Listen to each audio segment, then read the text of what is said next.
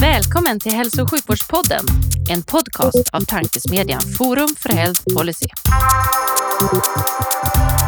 I den här podden möts frågor om hur vi kan få bättre hälsa med frågor om vilken politik som krävs. Det kommer bli samtal om personcentrering, ledarskap, digitalisering, organisation, politik och mycket mer.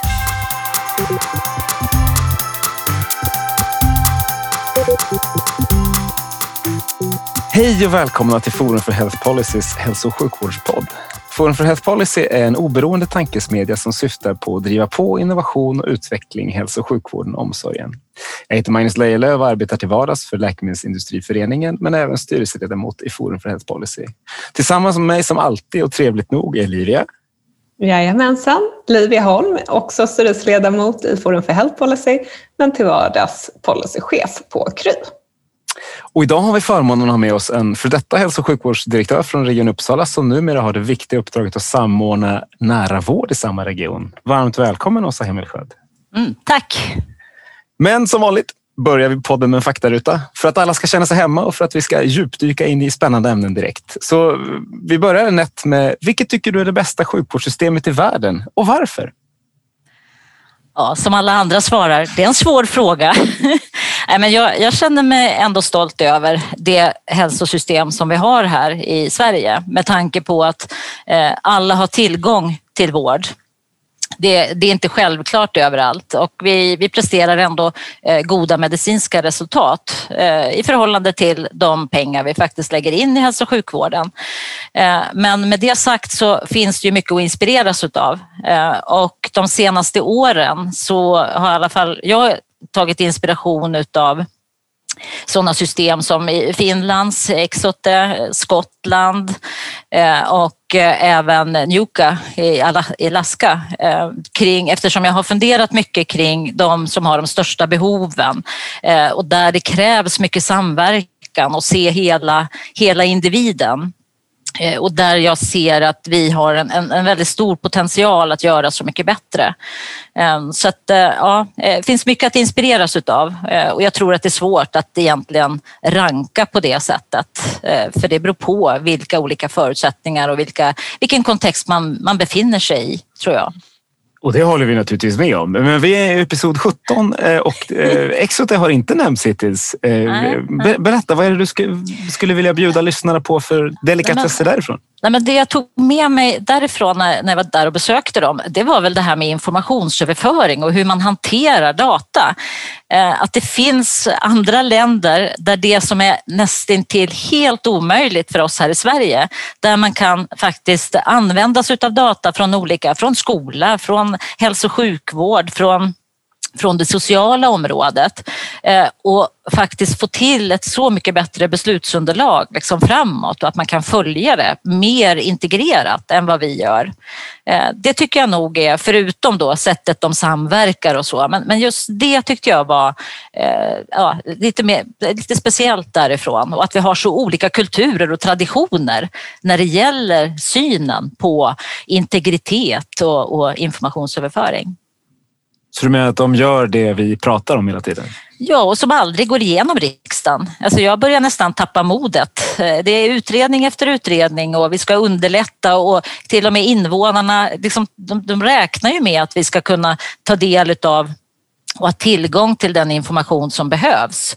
Eh, men det går ju inte. Jag har full respekt för att integritet är oerhört viktigt och vi vet hur illa det kan sluta om vi inte, eh, om vi inte hanterar det här på ett respektfullt sätt. Men, men någon gång så borde det väl ändå kunna gå att förändra det. Men eh, ja, vi får väl se om det går bättre nästa gång.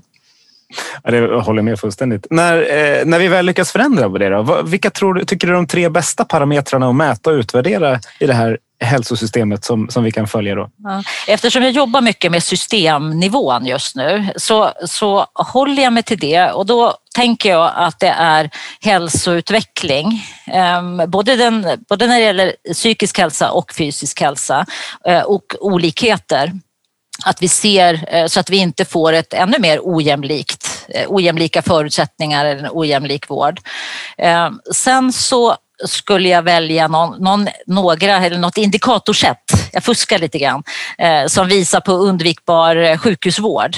Eh, vi har ju fokuserat mer på det de sista åren med eh, samverkanslagen och så vidare men, men vi utgår alltid från att vi ska när vi är väl inne på sjukhus så ska vi komma ut så fort som möjligt och vi ska inte komma tillbaks i onödan. Men kanske lite mindre på att vi inte ska komma dit överhuvudtaget i i onödan.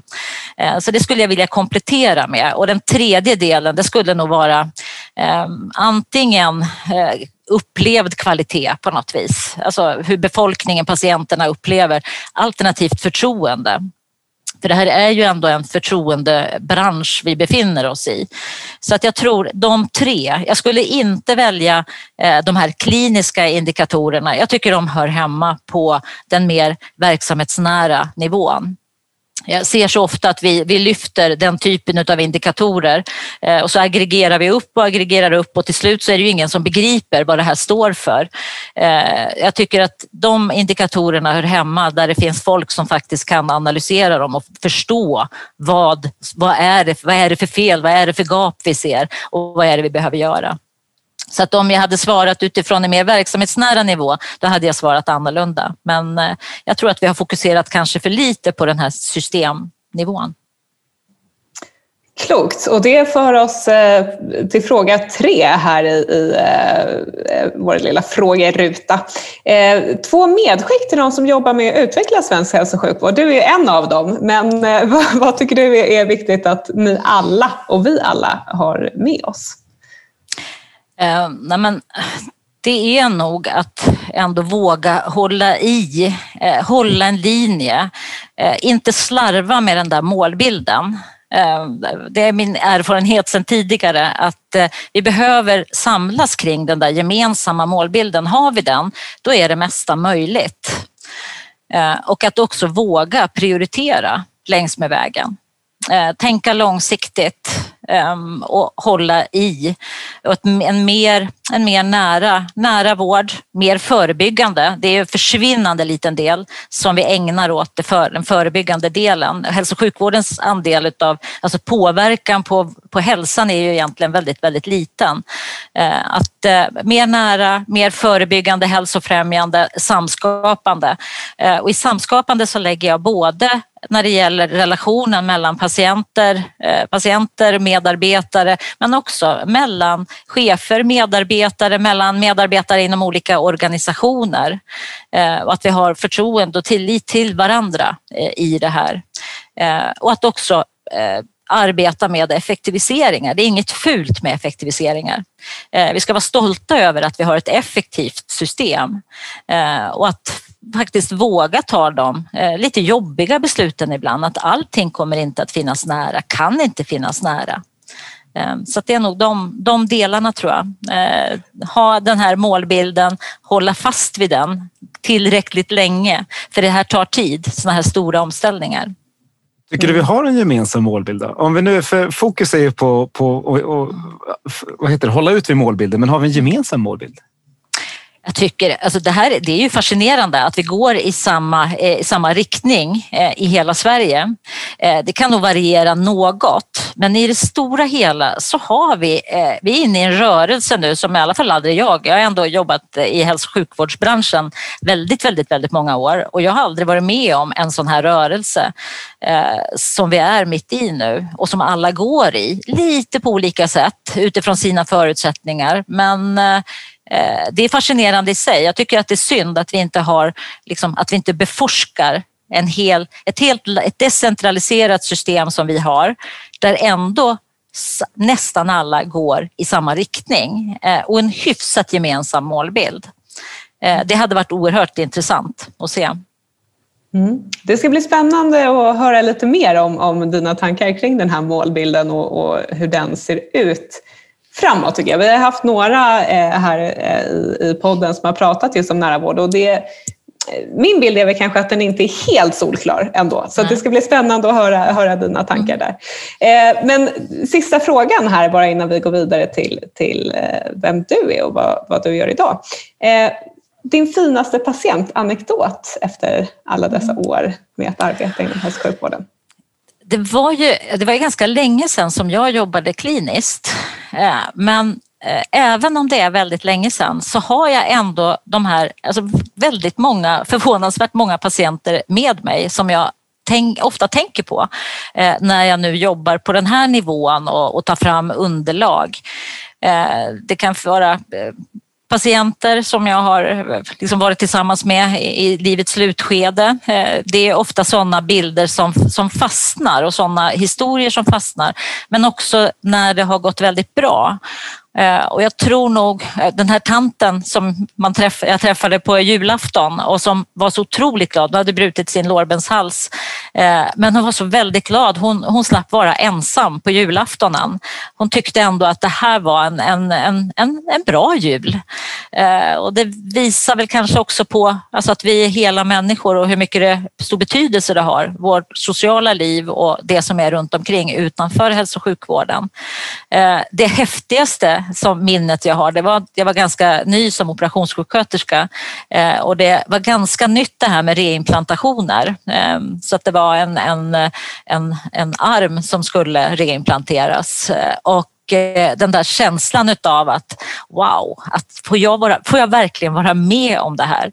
Eh, och jag var kvar hela natten. Jag vägrade. Jag sa det, jag går inte hem. Jag ska vara kvar tills det här är klart. Eh, den här känslan utav att eh, att det är möjligt, att det, allting är möjligt och, och träffa den här patienten sen när, när hen kom på eh, återbesök. Eh, det är en sånt här som fortfarande sitter kvar så många år senare. Så att, eh, ja, jag, har ofta, jag har många patienter på mina axlar när jag jobbar i mitt dagliga arbete. Eh, även om det är korta stunder oftast när man jobbar inom eh, operationsverksamhet. Ja, reimplanterat, ett väldigt vackert ord när man eh, dessutom hör kontexten på, ja. på det sättet. Eh, vi tar oss lite från faktarutan då, så, så går, vi, går vi tillbaka ett steg. Vad, vad, är din roll idag och vad innebär den rollen idag? Mm.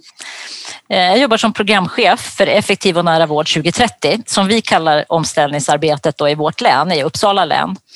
Eh, och det innebär att driva det här framåt, att utmana, att samordna, koordinera, hitta eh, de som faktiskt driver de här. Vi, vi har riggat det här som ett, eh, som ett program eh, med den, den här målbilden. Vi har ett antal strategier som vi kopplar till.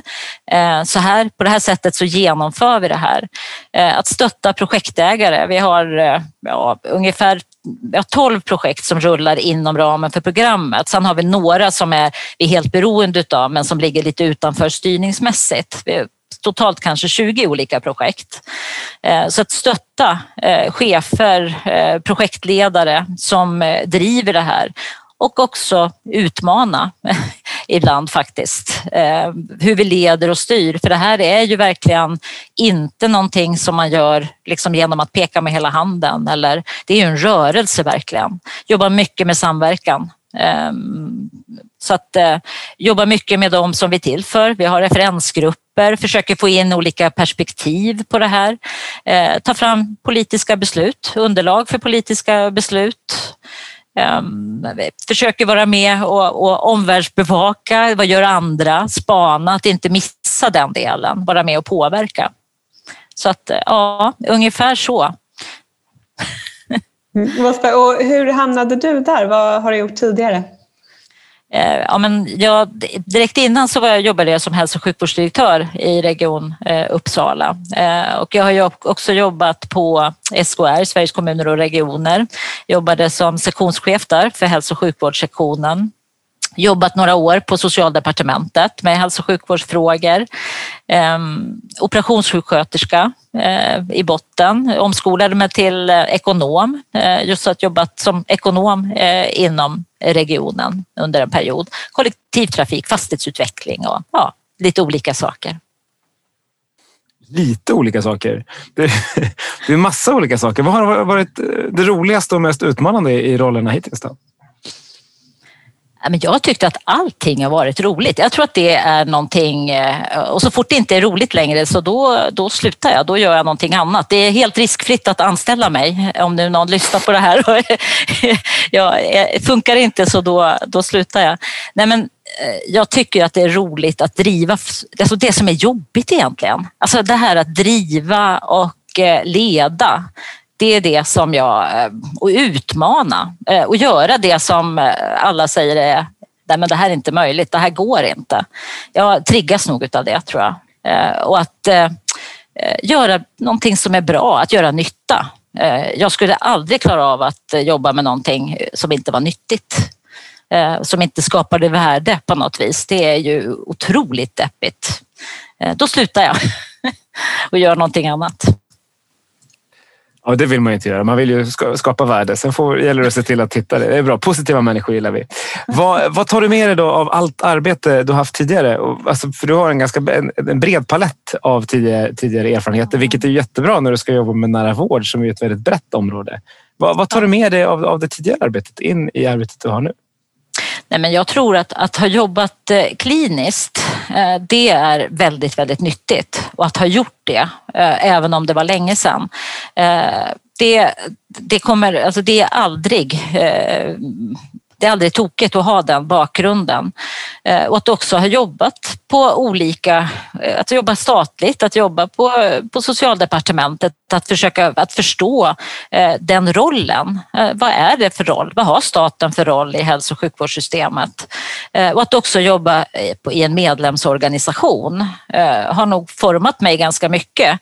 Att aldrig kunna säga till någon vad någon annan ska göra utan det gäller att få alla att försöka gå åt samma håll roll eh, helt enkelt. Att komma överens och, och hitta kraften i det. Eh, jobbet med kunskapsstyrningssystemet under den tiden och även ordnat införande av nya läkemedel till exempel. Eh, att att det faktiskt går att göra saker gemensamt utan lagstiftningar, utan några komplicerade ersättningssystem. Att den, den kraften, alltså det är ju någonting som jag har tagit med mig. Eh, men också hälso och sjukvårdsdirektörsjobbet, det är nog det svåraste jag haft, skulle jag säga. Mest utmanande. Ehm, helt klart. Mm. Tycker du om att, jobba med sånt som är svårt? Det, det känns ju som en fantastiskt bra förutsättning för att sätta dig i den här rollen med att driva utvecklingen kring nära vård. Eh, men tillbaka lite då till, till det som du inledde med, med vikten av en gemensam målbild eh, och hur tydlig den gemensamma målbilden faktiskt är. Eh, jag är lite nyfiken, dels hur ser den ut om vi tittar från ett SKR-perspektiv? Hur gemensam är målbilden mellan regionerna och kommunerna och hur fungerar samverkan inom SKR på det här området än så länge, så att säga, i din erfarenhet? Mm. Eh, SKR har ju en väldigt viktig roll i det här. Det är ju liksom den samlande eh, liksom noden och kraften i, i ett decentraliserat system. Eh, jag tycker de gör det väldigt bra Eh, och, och gör det på ett, också ett, eh, ett ödmjukt sätt, respektfullt sätt helt enkelt. Eh, jag ger stöd i, som nu med uppföljningen, hur ska vi kunna följa upp det här? Och jag skulle också vilja lyfta fram Anna Nergårds utredningsarbete. Jag tror nog att de lagstiftningsförslag som hon har kommit med, de kanske kommer egentligen att ha den minsta betydelsen. Den största betydelsen har, har, har nog varit hennes främjande uppdrag. Eh, jag har aldrig varit med om en statlig utredning som har haft ett sånt tydligt eh, främjande uppdrag som de har haft eh, och som har kunnat ge det här momentum i, i den här rörelsen. Ehm, och visst finns det vissa skillnader kanske hur vi har tagit oss an det här. Vi har ett ganska brett angreppssätt hos oss Eh, med ganska många olika strategier för att försöka få ihop helheten. Vi har tagit ett ganska brett grepp att nu ska vi förändra vårt system. Eh, rätt eller fel, det kommer ju att visa sig. Eh, men jag tycker nog att det är ganska lika. Vi kanske har mer tyngdpunkt också på att det är effektivt, att vi koncentrerar en del vård också. Jag hade någon tanke om att vi, vi borde nog tänka helheten från högspecialiserad vård, sjukhusvård och så hela verkligen. Men eh, det blir mer fokus på nära, men, men också på att det ska vara effektivt. Eh, vi har inte oändligt med resurser utan vissa saker behöver vi eh, också koncentrera, lite koncentrerad nära vård. Ehm, så att eh, jag tycker nog att det, de överensstämmer hyfsat bra. Vi är flera som går lite i samma, tar oss fram på lite liknande sätt, men det finns också olikheter. Om du skulle sammanfatta eh, den här målbilden då för nära vård, vad, vad är nära vård för dig? Om man skulle säga liksom, de tre stora mm. områdena som vi ska uppnå med det här, vad är det? Men det, ett av dem är ju nära vård på nya sätt eh, och där man, även om jag bygg, bor på landsbygden så ska jag ha något slags utbud utav vård, digitalt eller på annat sätt. Eh, och att vården i hemmet, eh, det är också en viktig del i den nära vården. Eh, vi har ganska mycket vård i hemmet men det visar sig att är, det finns ju inte nästan någon vård i hemmet som är, är samordnad. Så det jobbar vi mycket med. Att den är anpassad utifrån hur jag vill ha det. Det mer relationella och jag tänker att nära vård kan ju också vara sjukhusvården. Man kan ju ha, om man ser nära som ett mer utav ett förhållningssätt än någonting som är geografiskt. Och att också ska ha tillgång till eh, Eh, primärvård även utanför kontorstid. Men det kan betyda väldigt olika saker och det är ju en del i det här att även om vi har, vi har tagit fram en, eh, en beskrivning, en tänkbar beskrivning, så lyfter vi alltid den i olika sammanhang. Ja, men vad betyder det här för dig? Vad fyller vi med det här med? Eh, så det är liksom den nära delen. Sen har vi den effektiva, liksom rätt kompetenser på rätt vårdnivå och som är samordnad. Eh, och då, är det att vi, då har vi sett att vi behöver skapa noder i länet där vi samlar lite mer utav vården och då får jag kanske åka lite längre för att få till det där samordnade.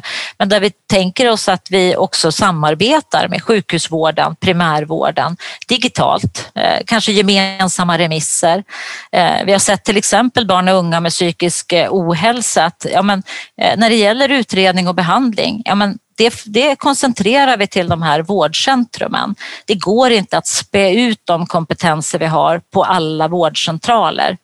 Ehm, så det är ju en, en viktig del i det som rör liksom, den effektiva vården. Ehm, och sen förebyggande och hälsofrämjande. Ehm, att jag får stöd i att främja min hälsa, både när jag är patient eh, men också som befolkning. Så där har vi ett förstärkt geografiskt hälsouppdrag som vi jobbar med eh, för att försöka identifiera grupper som riskerar en ohälsa i framtiden för att liksom mota den här snöbollseffekten som vi, vi kommer att se annars utav kroniska sjukdomar, psykisk ohälsa. Eh, och då tar vi då utav nationella riktlinjerna kring levnadsvanor. Eh, det är inte helt klockrent för det, de utgår väldigt mycket från individer och inte grupper. Eh, vi har lagt till stress och sömn eh, och så jobbar vi med riktade hälsosamtal som vi kommer att testa framöver. Eh, och slutligen då det som handlar om samskapande, att jag är en aktiv och självklar partner i min egen vård.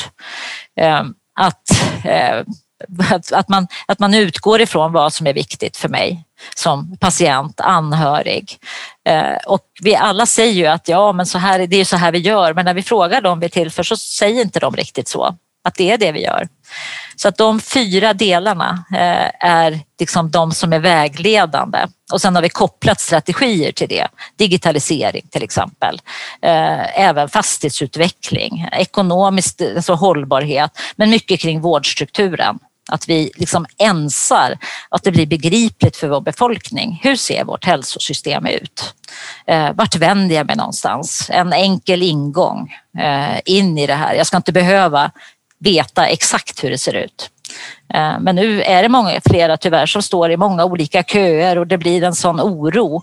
Eh, det ser vi ju inte minst nu under pandemin att det finns en oro och, att vi har en, en, en, utmaning i det. Alltså kommunikation är ju väldigt viktig.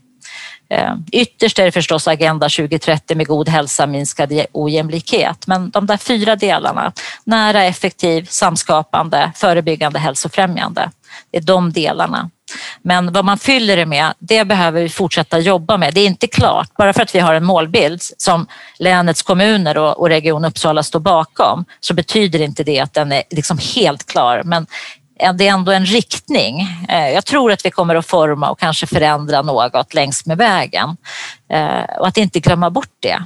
Att om, om inte jag frågar mig vad betyder nära för mig då finns den som inte riktigt. Det är ingen som gillar att det står på en powerpoint att ja, nära betyder det här. Jag, jag tror inte, utan vi behöver samskapa längs med vägen.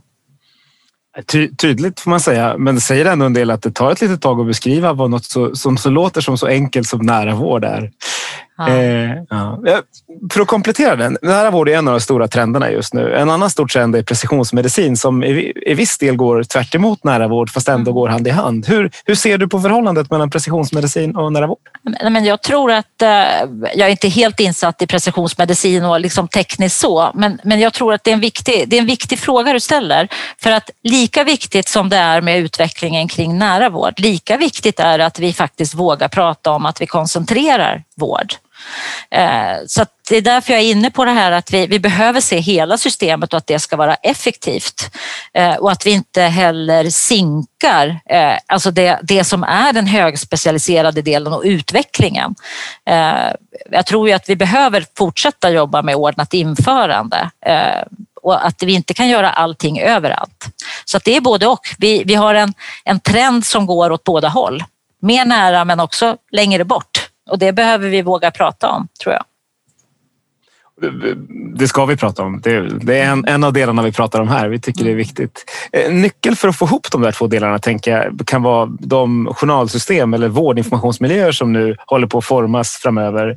Det tas fram eh, ett par nya ganska avancerade system. Eh, men hur ser du? Är de anpassade utifrån omställningen till nära vård utifrån ditt perspektiv och hänger det ihop med, med frågan om region kontra kommun? Oj, den första frågan. Eh, man behöver ju också titta då på sin egen eh, kontext och hur vi har. Alltså vi är ju lyckligt lottade att vi har en sammanhållen journal. Vi var tidigt ute kring journalen eh, via nätet. Vi ställer också krav på vårdgivare att man, man, det är det här som gäller hos oss. Och vi har en strategi nu är ju att digitaliseringen är ju liksom en del av hur vi utvecklar systemet framåt och våra tjänster framåt. Eh, så på så vis så är det integrerat. Men den sista delen du ställde, den frågan, eh, är det så att vi, vi, det är verkligen, för det är ju kommunerna och regionen tillsammans. Eh, där tror jag att vi, vi, vi söker lösningar, men vi ligger kanske lite efter på det området och det kan, ja, eh, det, så det blir nog nästa steg. Vi tittar ju på eh, verktyg eh, för att kommunicera vid utskrivning till exempel. Eh, och att vi ska ha samma verktyg för det här och att det ska vara integrerad del i journalen. Men jag menar, ja, vi använder ju olika journalsystem ehm, så att eh, ja, där har vi mer att göra. Mm. Du var inne på det där när du pratade inspiration från andra länder, just mm. informationsöverföring och hantering av data. Mm. Eh, hur centralt ser du att det är att vi, vi liksom löser upp vissa av de här knutarna eh, med informationsöverföring, datahantering, både mm. mellan regionen och kommunerna men också mm. mellan regioner och kommuner i olika regioner så att säga. Mm. är vi på rätt spår där? Finns det tillräckligt mycket insikt om, om behovet av det här för att mäkta med den här omställningen till till nära vård som också kan vara långt bort? Ja. Eh, nej, inte riktigt. Alltså jag, jag, jag känner ju att vi pratar mycket om det. Eh, men att gå från det till att faktiskt göra någonting. Och när det gäller informationsöverföringen så tror inte jag att vi... Jag tror att vi kommer att få vi kommer att komma till en punkt där vi ser att nej, det, vi kommer inte längre. Ehm, utan att man som invånare själv äger sin data på något vis och delar den. Ehm, men det här är min högst personliga, eh, liksom, som jag tror att det kan bli. Jag är inte helt insatt och, och följer med på det viset, men, eh, men eh, jag tror att vi kanske kommer att landa där. Och sen att man behöver också vara, eh, inte bara konsumera information utan också producera och vara med och bidra. För det är ju ett sätt, om man har sammanhållen journalföring, att man ändå kan dela det som är mest väsentligt ändå. Det kom ju eh, nyligen en utredning kring just eh, datadelning mellan mm. vård och omsorg eh, som bygger mycket på frivillighet. Och du har ju en bakgrund inom, inom SKR, men hur ser du på den där frivilligheten? Apropå att producera och konsumera. Nej, men vissa saker kan jag... Jag, jag uppskattar ett decentraliserat system, men det betyder inte att man inte har en bottenplatta som är gemensam för alla och eh, som inte är frivillig. Jag tycker det är helt okej. Okay. Jag tror lika lite som jag tror på att om allting bara var statligt så skulle allting vara bra. Lika lite så tror jag att allting är bra bara allting är decentraliserat. Jag tror att vi behöver göra både och och våga göra det. Eh, men som sagt var, det säger jag nu utan att ha läst betänkandet. Eh, jag har ju läst tidigare betänkanden där rätt information var aktuell till exempel eh, och som ju inte blev förverkligades. förverkligades men det är inte ja. en helt ny fråga ändå. Nej, precis. Nej, och det är väl inte sista gången heller den är uppe, misstänker jag. Och det är ett ganska långt betänkande. Ja, precis. Men, det, det, var ett sidospår. Ja. Vi fortsätter. Vi, vi, gräver lite i det här med nära vård, för vi tycker det är så spännande och vi har dig på tråden.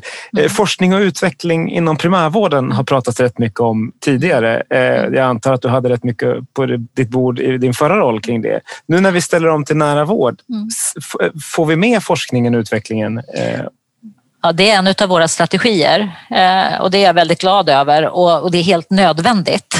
Eh, för att eh, hälso och sjukvården ska ju inte bara leverera hälso och sjukvård eh, och det är inte bara regionerna som gör det. Kommunerna levererar också väldigt mycket och forskningen är ju liksom, forskning, utbildning, att, att utveckla vården. Det är ju lika viktiga uppdrag. Så att det, det, första steget innan vi tog det här om effektiv och nära vård, då, då tog vi fram förslag kring primärvården. Så att vi har ju akademiskt primärvårdscentrum och eh, hittills så har vi två akademiska vårdcentraler. Eh, och tanken nu är ju att vi går vidare och tittar också på eh, akademiska särskilda boenden. Kan vi integrera det här på något sätt? För att överbrygga eh, de här gränssnitten. Eh, för de individerna som vi har, de är ju, invånarna är ju våra gemensamma. Så att forskning och innovation i den nära vården, det är oerhört viktigt eh, och kanske lätt, lite lätt att tappa på något vis. Eh, men det, den måste också flytta. Det är inte bara vården som ska flytta ut. Eh, forskningen behöver också göra det. Forskningen finns ju där patienterna, där underlaget finns och ingen annanstans. Det beror ju inte på vilken byggnad man befinner sig i, om det är ett sjukhus eller någonting annat. Nej, det är lätt att säga och ibland så, märks, så verkar det inte vara lika lätt att göra. Det var mest ja. därför, därför frågan kom. Nej, och vår forskningsstrategi den präglas eh, utav effektiv och nära vård och den omställningen. Så vi har ett väldigt bra samarbete. Eh, så att, eh, jag är förhoppningsfull men det är klart att det i en prioriteringssituation så kan det ju vara så att eh, eh, jag får stryka på foten helt enkelt. För att det finns mm. annat som är mer nödvändigt. Men, eh, och tandvårdens roll är jätteviktig. Vi kan ju se spännande samarbeten och gränsöverskridande forskning mellan tandvård och hälso och sjukvården och även socialtjänst. Vi har helt olika kulturer och bakgrunder och det är häftigt och även när det gäller kunskapsstyrning eh, att blanda det här eh, för att det finns, eh, det finns positiva delar i båda kulturerna och blandar man det så tänker jag att då kan det bli eh, riktigt bra. När vi pratar nära vård nu så lyfts Uppsala lite kring det här med äldremottagningar och eh, vård, eller vård för dem över 75 år. Hur, berätta, hur, hur har ni tänkt? Ja, eh, det finns ju många delar eh, utifrån målgruppen äldre. Jag menar, de viktigaste målgrupperna det är äldre med komplexa behov, psykisk hälsa, både barn och unga och vuxna, eh, men också barn och unga med andra, kanske medfödda funktionsnedsättningar och så vidare. Det är de med komplexa behov helt enkelt som vi fokuserar på. Men en del utav, som rör de äldre specifikt då, det är ju att kunna identifiera äldre som riskerar apropå det här att jobba proaktivt och förebyggande, eh, innan de får stora vårdbehov. Eh, och, eh, så då har vi, tagit, vi har inspirerats av Östergötland. Vi skäl hejdlöst. Allt som verkar vara eh, bra, det, det, tar vi till oss. Eh, och så sen tillsammans då med olika aktörer runt det här teamet helt enkelt ta fram åtgärder för att se hur kan vi undvika att den här Eh, personen hamnar på sjukhus och följa upp systematiskt. Det är inte någon, någon, någon så här magic, det är ingen rocket science på något vis. Men att göra det här systematiskt eh, och utifrån vilka har det största behovet så att säga. Ta fram underlag för det här så att nu kommer vi ha 17 piloter nu i år eh, och kommer att planera att kunna påbörja ett breddinförande i slutet av nästa år. Så att eh, det var lite grann det jag pratade om tidigare, att vi fokuserar mycket på de som ska ut från sjukhusen men mindre på de som aldrig behöver komma in på sjukhus. Ehm, så att jobba mer proaktivt för den här målgruppen helt enkelt. Mm. Det gillar vi, att eh, stjäla med stolthet goda exempel från andra delar av landet. Eh, och går det bra även för er så får vi hoppas att fler eh, skäl även från er i framtiden. De här digitala vårdrummen då, vad, mm. vad händer där? Berätta mer. Eh, det kommer att vara en viktig del i, det har kommit upp nu i vårdcentrumutvecklingen, de här noderna jag pratade om, eh, att man också där ska kunna Eh, hjälpa personer som inte kanske har möjlighet på hemmaplan eh, med digitala vårdmöten. Eh, här inspireras vi mer av vad de gör uppåt norröver i glesbygd. Ehm, och och kunna få hjälp till exempel med samordnad individuell planering, eh, kanske med hemmonitorering om det inte funkar på hemmaplan. Eh, men också ute i liksom den närmaste vården med närmottagningar, alltså den, den vården som finns ute på landsbygd där, inte, där vi inte kommer att kunna ha vårdcentraler men ändå något slags utbud. Så tänker vi oss att vi också då ska kunna kombinera det med ett digitalt vårdrum eller hälsorum. Vi vet inte riktigt vad vi kommer att kalla det för. Men det är ingenting som finns än, tyvärr. Men vi planerar för det. Du sa att det här är inte raketforskning eller rocket science. Eh, om du fick lägga in lite rocket science i nära vården i Uppsala, vad hade du petat in då? Eh, och då kanske ja. inte några raketer utan liksom något nej, nej, men jag förstår. Nu, nu gick jag igång här. Eh, nej, men det är väl det här att förändra ett system. Vi är vana vid att eh, vi är vana vid att tänka en sak i taget och gärna små piloter lite här och var. Eh, nu har vi en god idé och så dyker det upp någonting. Eh, och eh, det här att börja alltså förändra ett helt system och hålla sig till det eh, och se vilka konsekvenser olika vägval får. Eh, det som, eh, att följa upp det som inte, går, som inte händer, det undvikbara. Eh, är det någonting så är det, vi, vi har systeminnovationslabb där vi testar nu med en förstudie för att se, eh, kan, vi, kan, man få, kan man få lite hjälp i att tänka kring eh, och ta fram underlag för eh, hur riggar man till exempel en sån här stor omställning? Eh, med ett program. Eh, vilka delar kan man börja i? För allting hänger ihop på något vis och vi kan inte göra allting på en gång. Hur ska man tänka då? Eh, Liksom stoppa in hela det här. Det här är behovet och det här är målbilden och så in med det här i den där, liksom, det här rummet, simuleringsrummet eh, för att se, okej, okay, vilka konsekvenser får olika vägval här framåt? Det är min sån här önske, önskedröm. Eh, för vi pratar så sällan om det. Ehm, att vi, alltså man, vi behöver verkligen ha kunskapsstöd och beslutsstöd liksom i, den, i den här utvecklingen. Ehm, och att, eh, att vi kan inte, hålla, vi kan inte göra allting som är bra. Liksom då, får vi ett system som är fragmentiserat. Ehm, och hur kan vi kombinera innovationslusten, den lokala, med att hålla ihop systemet ehm, så att det är jämlikt. Alltså, hur, hur gör vi det här? Um, det, här det, är ju, liksom, det är verkligen att leda i, leda i komplexitet. Det finns det visserligen en del kunskap kring. Um, en del säger ju att man ska bara ta de där små mikrostegen, eh, aldrig hålla på med några sådana här stora förändringar som vi gör. Uh, och då kan man ju bli lite osäker ibland när det är lite motigt. Gud, är vi verkligen på rätt väg? Uh, är det verkligen så här vi ska ta oss an det här? Uh, och att ändå ingjuta liksom mod i att jo, jo, men det här går. Eh, men som eh, i den här rollen som jag har, då skulle jag önska mig mer utav eh, alltså för, liksom stöd i det. Vi har ju ansökt flera gånger om följeforskning och sådär men nej, vi har inte lyckats riktigt. Det här med samverkan och nätverksbaserad liksom, ledning och samordning, det är inte riktigt det som är det mest intressanta för finansiärerna. Eh, vilket jag kan tycka är jättekonstigt. Men ja, det, det skulle jag nog önska mig. Lite mer aktionsbaserad liksom, följeforskning och eh, labb systemlabb. Men vi håller ju på med det, så att, men jag är lite otålig utav mig så jag skulle vilja ha det nu på plats. Det är bra. Jag hade precis tänkt följa upp med en fråga kring din roll är ju som sagt, ni, ni försöker verkligen driva en, en stor och komplex förändring. Mm.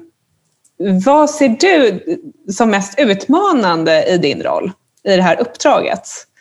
Eh, vad är de stora liksom, potentiella mörka molnen? Nej, men det är nog kring hur vi ser på ledning och styrning utav eh, en offentlig verksamhet eller en offentligt finansierad verksamhet för att vi har ju många privata vårdgivare också. Eh, traditionellt så, så tänker vi oss att vi, vi tänker och så skriver vi, utreder och så kommer det med förslag så är det ett politiskt beslut. Det är en, som, liksom, det är en organisation som fattar besluten och sen så har vi verksamheter som gör. Eh, och det är ju inte så ändamålsenligt när vi driv, bedriver en sån här stor omställning i nära samverkan mellan länets kommuner och eh, region. Eh, här krävs det någonting annat, det här nätverksbaserade i samverkan där ingen säger till någon vad någon annan ska göra. Vi behöver ha riktningen, vi behöver ha uppföljningen så vi vet att vi, vi, eh, vi tar oss dit. Inte, visst, ta hänsyn till lokala förhållanden men det får inte ske på bekostnad av att det är likvärdigt i länet.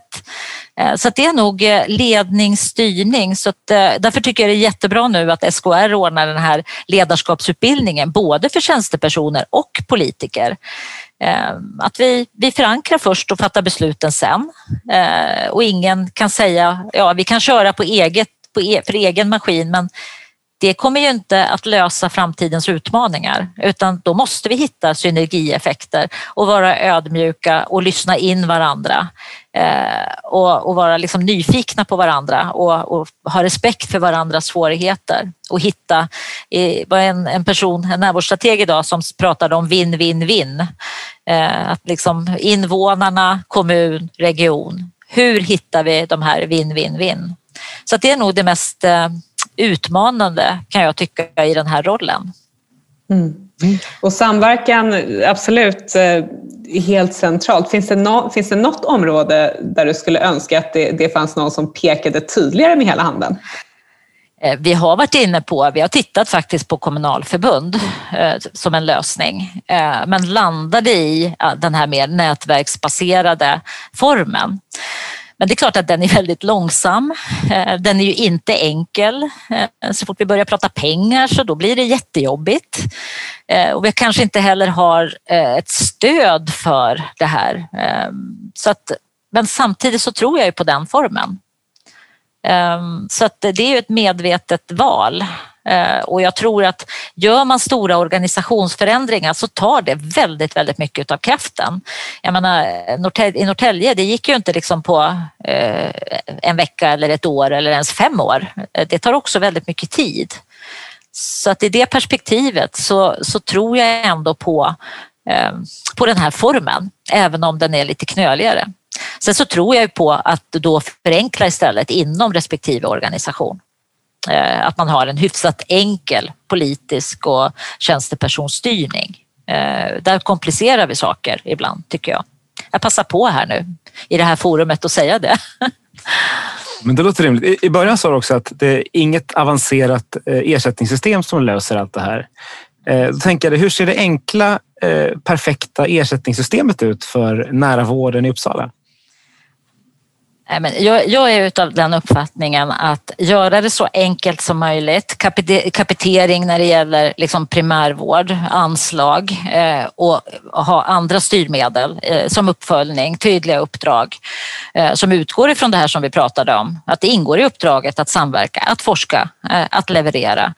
Eh, jag, jag man kan hitta massor med raffinerade sätt att beskriva eh, med ACG och DRG, målrelaterad ersättning eh, och det tar oerhört mycket av administrativa resurser för att göra det.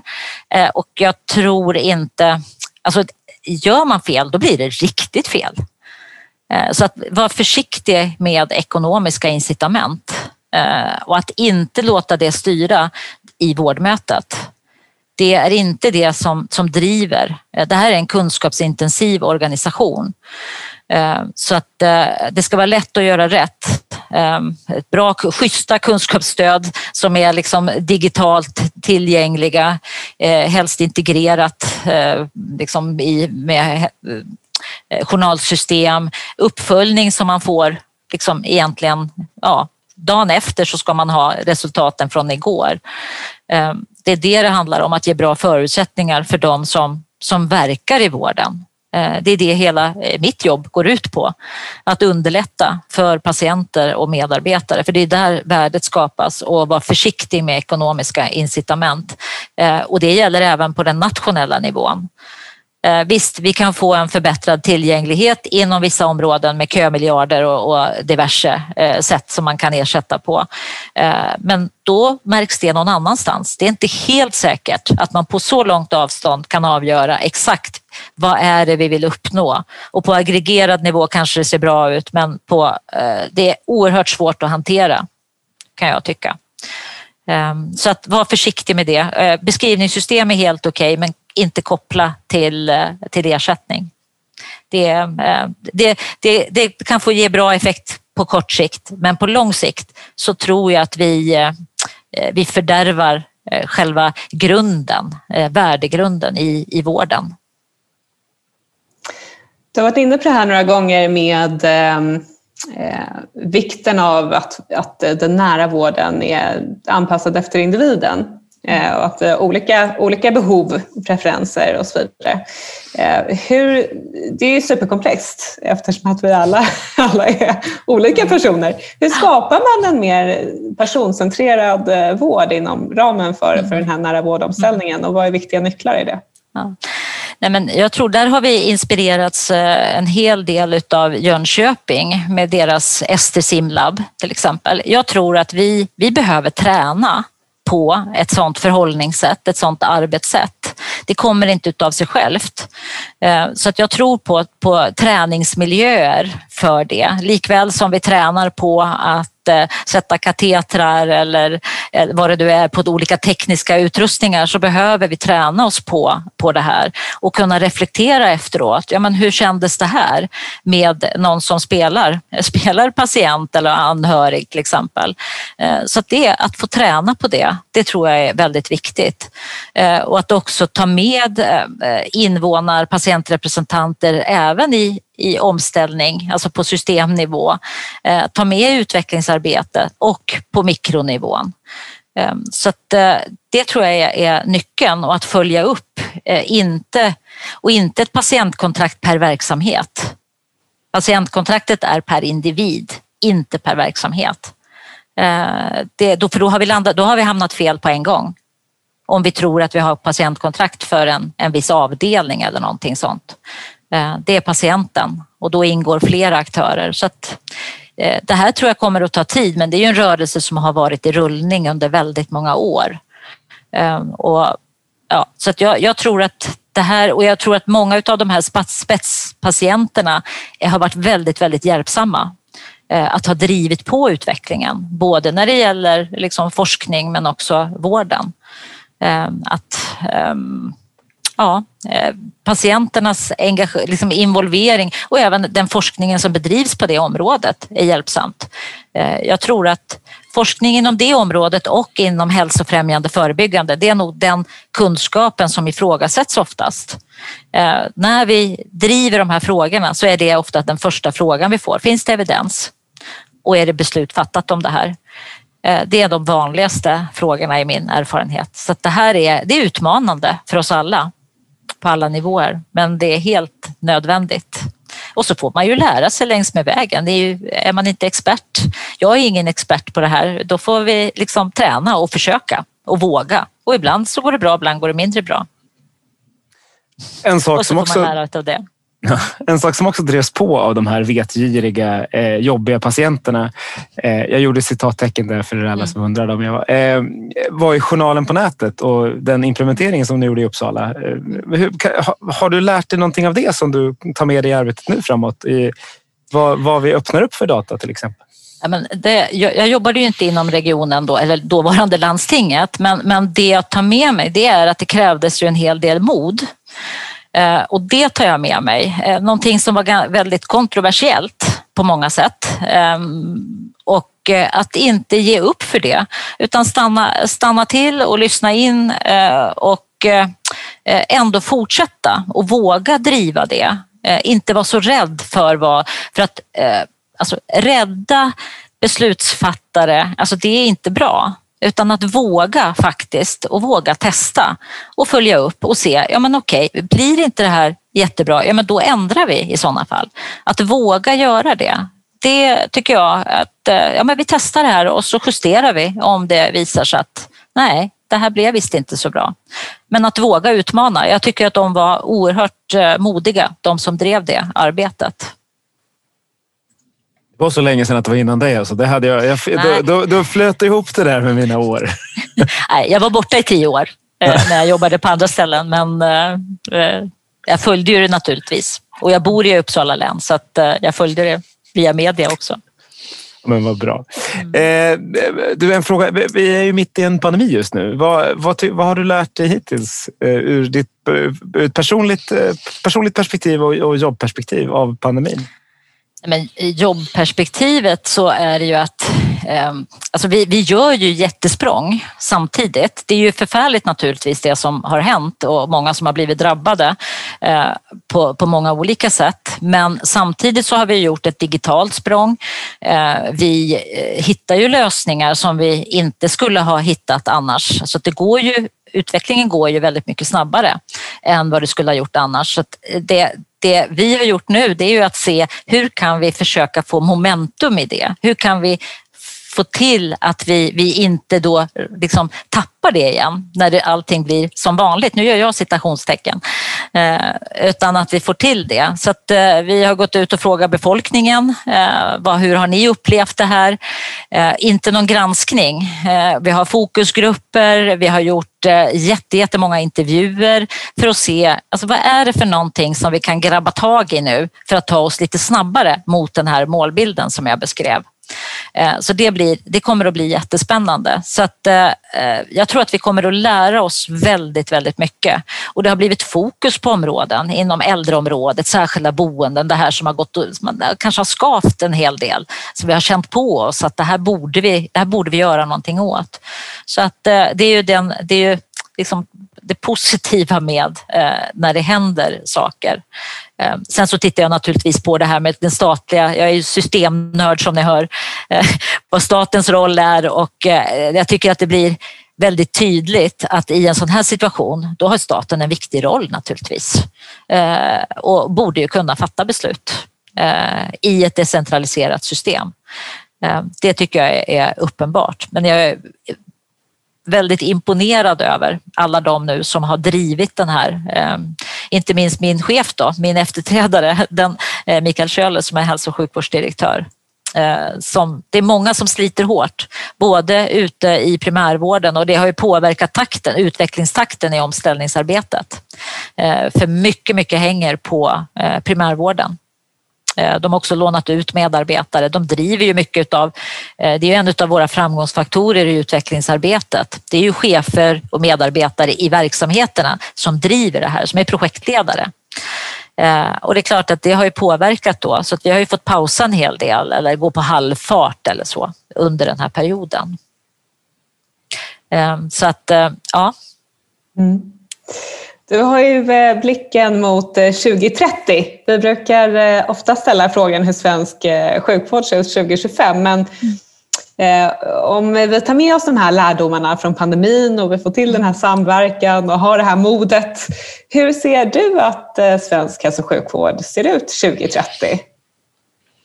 Vad har ändrats? Ja, eh, nej men jag tror att det kommer att bli en, förutom då att jag tror fortfarande på att vi, vi kommer att ha nått den här målbilden som då ser kanske lite olika ut. Men, men det tror jag, det är helt rimligt att tänka oss att eh, vi, vi har gått i en sån riktning och att vi är nära det målet och att vi kommer att ha satt upp ytterligare mål eh, framöver. Eh, men jag tror ju att det kommer att komma en debatt om, eh, om de här olika vårdnivåerna, liksom det här decentraliserade systemet kontra den statliga nivån. Eh, jag tror att det inte kommer att komma upp igen med större regioner. Den, den frågan tror jag är, är tyvärr är död. Men kanske mer då kring den kommunala nivån och den statliga nivån. Jag tror att det, det kommer nog en sån, en sån debatt framöver och kanske också ansvarsfördelningen mellan regioner och eh, kommuner. Det, det tror jag. Eh, mycket kopplat nu till pandemin. Så det tror jag kommer framöver. Bra. Eh, vi brukar säga att en timme är rätt lagom för då hinner de flesta springa eh, sin mil eller promenera sin långpromenad eller äta lunch eller vad det nu är man gör. Eh, vi börjar närma oss den och då tänkte jag fråga, är det något du tycker att vi vi inte har frågat dig om? När du kom in i det här samtalet, det var något du, du ville prata om som du inte har fått prata om? Nej, jag tror att jag pratat tillräckligt faktiskt. Nej, men med, medskicket är väl att det, det, det behövs en, en, en förändring. Det behövs en omställning. Det, det är helt nödvändigt. Eh, och eh, det som är det positiva det är ju att det går att genomföra det. Eh, och om man gör det tillsammans och får till den här rörelsen som vi är i. Eh, så det tänker jag att ingjuter mod liksom framöver, att det går, även om det är svårt. Ja, men det var jättefina sista ord. Och vi tycker du har pratat alldeles lagom. Det var varken för mycket eller för lite. Det är perfekt. Eh, tack så mycket Åsa för ett bra samtal. Tack Livia som alltid och tack alla ni som har lyssnat på Forum för Health Policies hälso och sjukvårdspodd. Vi hörs där ute eh, och fortsätter att förändra världen. Tack så mycket tack. för idag. Tack. tack.